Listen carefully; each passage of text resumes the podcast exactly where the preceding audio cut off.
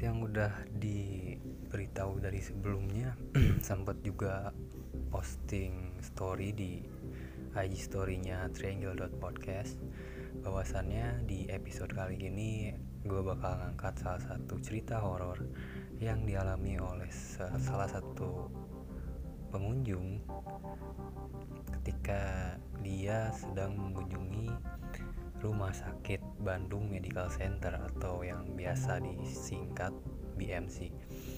Dan sebelum masuk ke ceritanya, gue pengen ngingetin nih uh, pada kalian yang mungkin sekiranya uh, memiliki minat yang sama untuk berbagi cerita horornya kalian bisa kirimkan ke alamat email triangle.podcast17@gmail.com atau kalian yang mungkin ingin sharing uh, kritik atau sarannya kalian tinggal DM aja di Instagram officialnya podcast ini di trejo.podcast dan tanpa berlama-lama lagi sekarang kita masuk ke pembahasannya.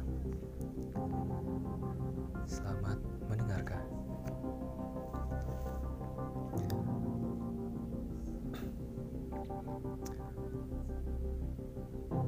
Warga Bandung pasti sudah mendengar rumor menyeramkan di Rumah Sakit Bandung Medical Center atau BMC yang kabarnya sering terjadi kejadian horor di rumah sakit tersebut. Salah satunya uh, hal tersebut dialami oleh Runan Handoyo. Kejadian itu berawal ketika Runan berkunjung ke Bandung untuk sebuah pekerjaan. Singkat cerita, saat Runan tiba di Bandung, ia diceritakan kejadian horor yang sering terjadi di BMC oleh rekannya. Runan sendiri memiliki bakat dan dapat berkomunikasi dengan hal-hal yang berbau gaib dan tertarik untuk membuktikan kisah-kisah yang beredar di BMC. Nah, dari cerita ini Runan menjelaskan bahwa Runan memberanikan diri untuk pergi ke BMC dengan mengajak beberapa temannya. Nah, mereka menyempatkan pergi ke Gua Jepang Dago pada pagi hari, lalu dilanjutkan pergi ke BMC pada sore harinya.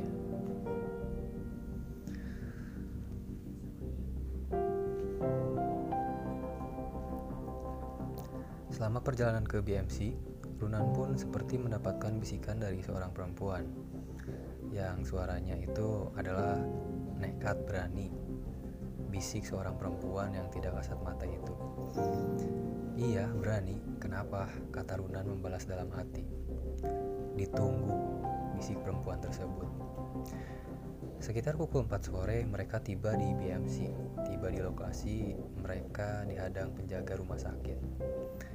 Sudah nggak bisa mas, lagi direnovasi dan mau digunakan.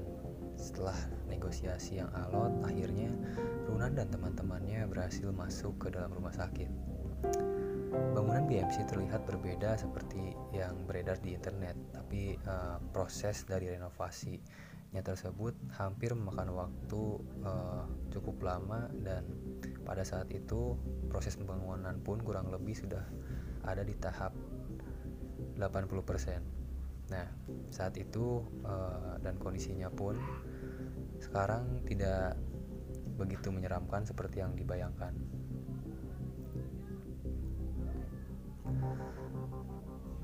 Nah, pada saat itu, ketika sampai di depan lobi rumah sakit, Runan pun melihat pekerja yang lalu lalang. Anehnya, hanya ia sendiri yang dapat melihat sosok dokter tinggi besar. Dokter tersebut mematung dan wajahnya pucat. Mereka akhirnya saling bertatap mata, kemudian dokter itu memperlihatkan telapak tangannya kepada Runan. Pas dia liatin telapak tangannya, darah itu pun keluar dari sela-sela tangannya dan darah tersebut mengucur sampai menetes ke lantai dan dokter tersebut melihatin Runan ketika Runan melihat sosok tersebut. Nah, menurut Runan dalam kanal uh, YouTube Gusti Gina, jadi uh, dia pun sempat sharing nih di salah satu channel YouTube yang bernama Gusti Gina. Saking paniknya, uh, ia menyuruh teman-temannya untuk jangan masuk ke dalam dan ia meyakinkan uh, bahwa mereka kepada mereka kalau ada dokter yang berdiri di sana penuh dengan darah. Saat mereka ingin meninggalkan tempat itu, dokter tersebut pun memanggil Runan dan dan uh, seperti melambaikan tangannya dari kejauhan. saya, kata dokter dengan nada lirih dan memelas. Runan pun tidak lama dari itu menengok kembali ke lobi BMC. Dilihatnya dokter tersebut sudah menurunkan tangan dan tidak meneteskan darah. Saya bisa bantu apa? Kata Runan membalas bisikan tersebut dengan sedikit ketakutan.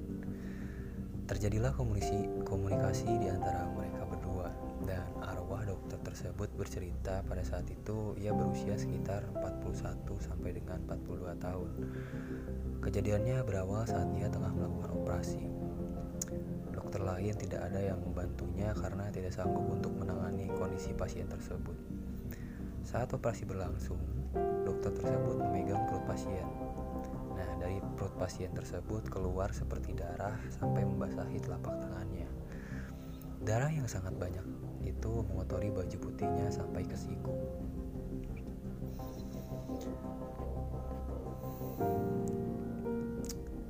Setelah berusaha menyelamatkannya, akhirnya pasien tersebut meninggal di tangan dokter tersebut. Keluarga menduga telah terjadi malpraktik dan mereka akhirnya menuntut rumah sakit untuk bertanggung jawab. Dokter tersebut dipecat dan mendapatkan blacklist dari beberapa rumah sakit di kota Bandung pada saat itu. Konon arwah dokter itu menceritakan kepada Runan saat itu ia sempat depresi dan memilih untuk bunuh diri dengan minum obat-obatan. Tolong saya, kata arwah dokter tersebut. Iya harus tolong bagaimana, kata Runan yang membalas uh, ucapan tersebut. Dan Runan pun menjelaskan orang yang bunuh diri tidak berada di atas atau di bawah uh, dari rumah sakit itu. Dan kebanyakan yang bunuh diri tidak bisa uh, masuk ke alam sana ini menurut beberapa kepercayaan orang awam pada umumnya. Dan saya mohon maaf karena tidak bisa bantu uh, membalas sautan dokter tersebut. Dan pada saat itu Runan pun menambahkan bahwa dokter tersebut berasal dari Jawa yang sedang dinas tepatnya sedang dinas di kota Bandung yang mungkin. Sekarang itu nama rumah sakitnya adalah Sartika Asih ya. E, untuk saat ini rumah sakit Sartika Asih itu berada di Jalan Muhammad Toha. Dan memang dulunya rumah sakit tersebut sempat e, di diberi nama BMC. Karena satu dan lain hal, rumah sakit tersebut harus berganti nama dan juga berpindah lokasi. Dan diduga karena BMC sudah terbengkalai cukup lama, arwah dokter itu pun memilih menetap di sana. Arwah tersebut juga sempat berkata kalau ia menyesal telah melakukan bunuh diri. Ya, cerita ini uh, cukup singkat dan memang uh, terkesan sangat dan terkesan sangat uh, sedikit menyeramkan mungkin tapi ketika kalian uh, menelaah lagi nih khususnya kalian uh, jika berkunjung ke tempat tersebut pasti kalian akan merasakan langsung bagaimana suasana yang cukup menyeramkan ketika kalian berkunjung ke tempat tersebut. Karena gue pribadi sebenarnya pernah juga nih datang ke tempat tersebut sama nih kurang lebih uh, kayak yang nyampein cerita ini. Pada saat itu gue sama beberapa teman gue tuh pulang dari salah satu radio yang di mana di radio tersebut ada program horor dan pada saat itu kebetulan radio tersebut juga memfasilitasi pendengarnya untuk ikut menyimak cerita-cerita horornya di radio tersebut gitu dalam suasana gelap dan juga ya cukup mengerikan juga di sana dan setelah itu karena mungkin teman-teman gue pada saat itu kurang menikmati aura mistis di radio tersebut maka beberapa dari teman gue tuh memutuskan untuk mengajak uh, pergi lagi ke BMC. Nah kebetulan pada waktu itu juga di BMC itu sendiri sudah mau direnovasi karena sebelumnya sebelum gue masuk nih sama teman-teman juga sempat ngobrol nih salah satu teman gue sama penjaganya bahwa memang uh, beberapa pekan ke depan BMC itu memang akan direnovasi. Dan ya pada saat itu juga kebetulan gue datang sama teman-teman itu jam 11 malam lebih di hari Jumat malam dan kondisinya pada saat itu tidak terlalu ramai alias memang hanya beberapa orang saja yang sedang berkunjung ke tempat tersebut. Dan nah menariknya eh, ketika gue dan teman-teman gue ke tempat tersebut tidak uh, memilih untuk tidak ditemani oleh uh, penjaga dari BMC itu. Penjaga di sini itu maksudnya penjaga yang mendampingi kita memperkenalkan bahwa ini ruangan apa ruangan apa. Jadi kita tuh memang pure bener-bener hanya bertiga saja. Kebetulan pada saat itu gua sama teman-teman itu ada enam orang. Yang ke bagian pertama masuk itu gua dan dua orang teman lainnya. Dan pada saat di dalam rumah sakit tersebut memang eh, dua orang dari teman gue tuh bilang gitu atau cerita atau menyampaikan eh, apa yang mereka rasakan. Dan mereka tuh pada saat itu ngomong kalau ketika di dalam BMC tersebut itu sempat melihat uh, beberapa siluet seperti bayangan putih lewat atau mendengar suara seperti suara cewek gitu.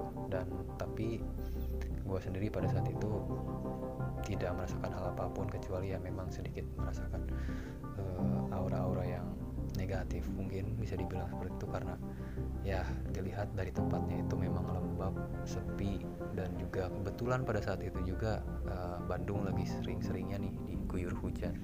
Jadi mau nggak mau tempat tersebut pun pasti uh, memiliki aura yang cukup mengerikan. Dan tidak sampai situ aja sih sebenarnya temen gue itu kedua temen gue itu ketika sampai rumah katanya dia tuh sebelum dia tidur gitu di rumahnya sempat mengalami kejadian yang cukup janggal. Kata teman gue nih yang satu sebut aja namanya si A. Nah si A itu ketika di rumahnya sepulang dari BMC itu katanya di dalam lemarinya sempat ada suara ketukan. Padahal di dalam lemari tersebut hanya berisikan baju dan tidak memungkinkan untuk orang masuk ke dalam lemari tersebut. Karena lemari tersebut kebetulan berukuran kecil dan suara ketukan itu berulang beberapa kali di jam 2 pagi.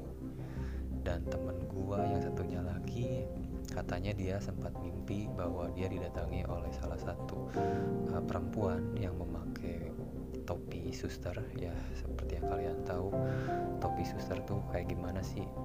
Dan tentunya komplit dengan seragam susternya.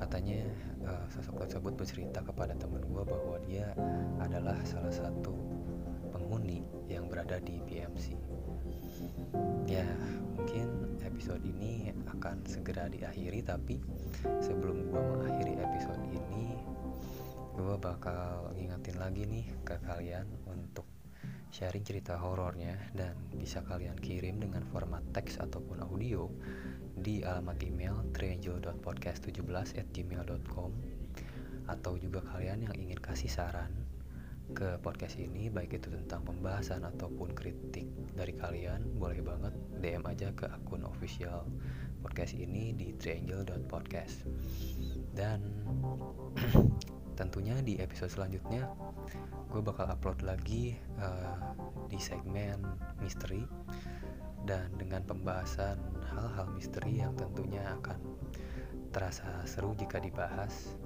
entah apa itu hal yang bakal gue bahas di segmen misteri nanti intinya gue bakal buka polling lagi nih di instastory di Podcast. Mungkin kalian ada ide pembahasan apa mengenai hal-hal misteri.